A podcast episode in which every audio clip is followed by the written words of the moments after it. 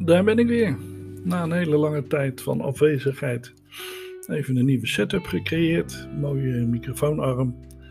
En uh, een plofkap. En ik zit uh, eh, 10 centimeter van mijn microfoon af.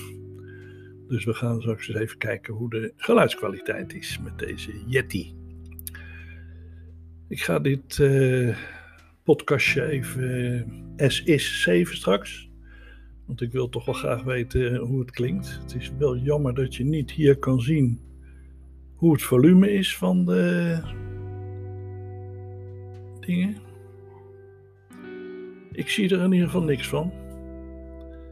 Ik kan niet zien wat ik aan het, aan het opnemen ben. Nee. Nou goed. Wie gaat er nog met vakantie tegenwoordig? Ik, eh, ik er wel in ieder geval. Lekker naar een Grieks eiland, bij een zwembad en met een glas koud spul in mijn hand. Kom ik die twee weken wel door. Eerst even met de QR-code door de douane komen en dan uh, stap ik uit de bus bij een mooi uh, appartementencomplexje op Kokari in Samos.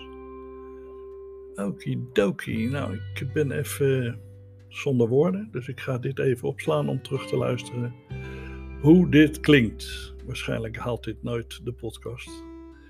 Publiceer ik hem niet. Maar goed. Het Spaanse graan heeft de orkaan doorstaan. En dan weten we ook weer hoe het uh, kwalitatief overkomt. Ik zeg toereledoki.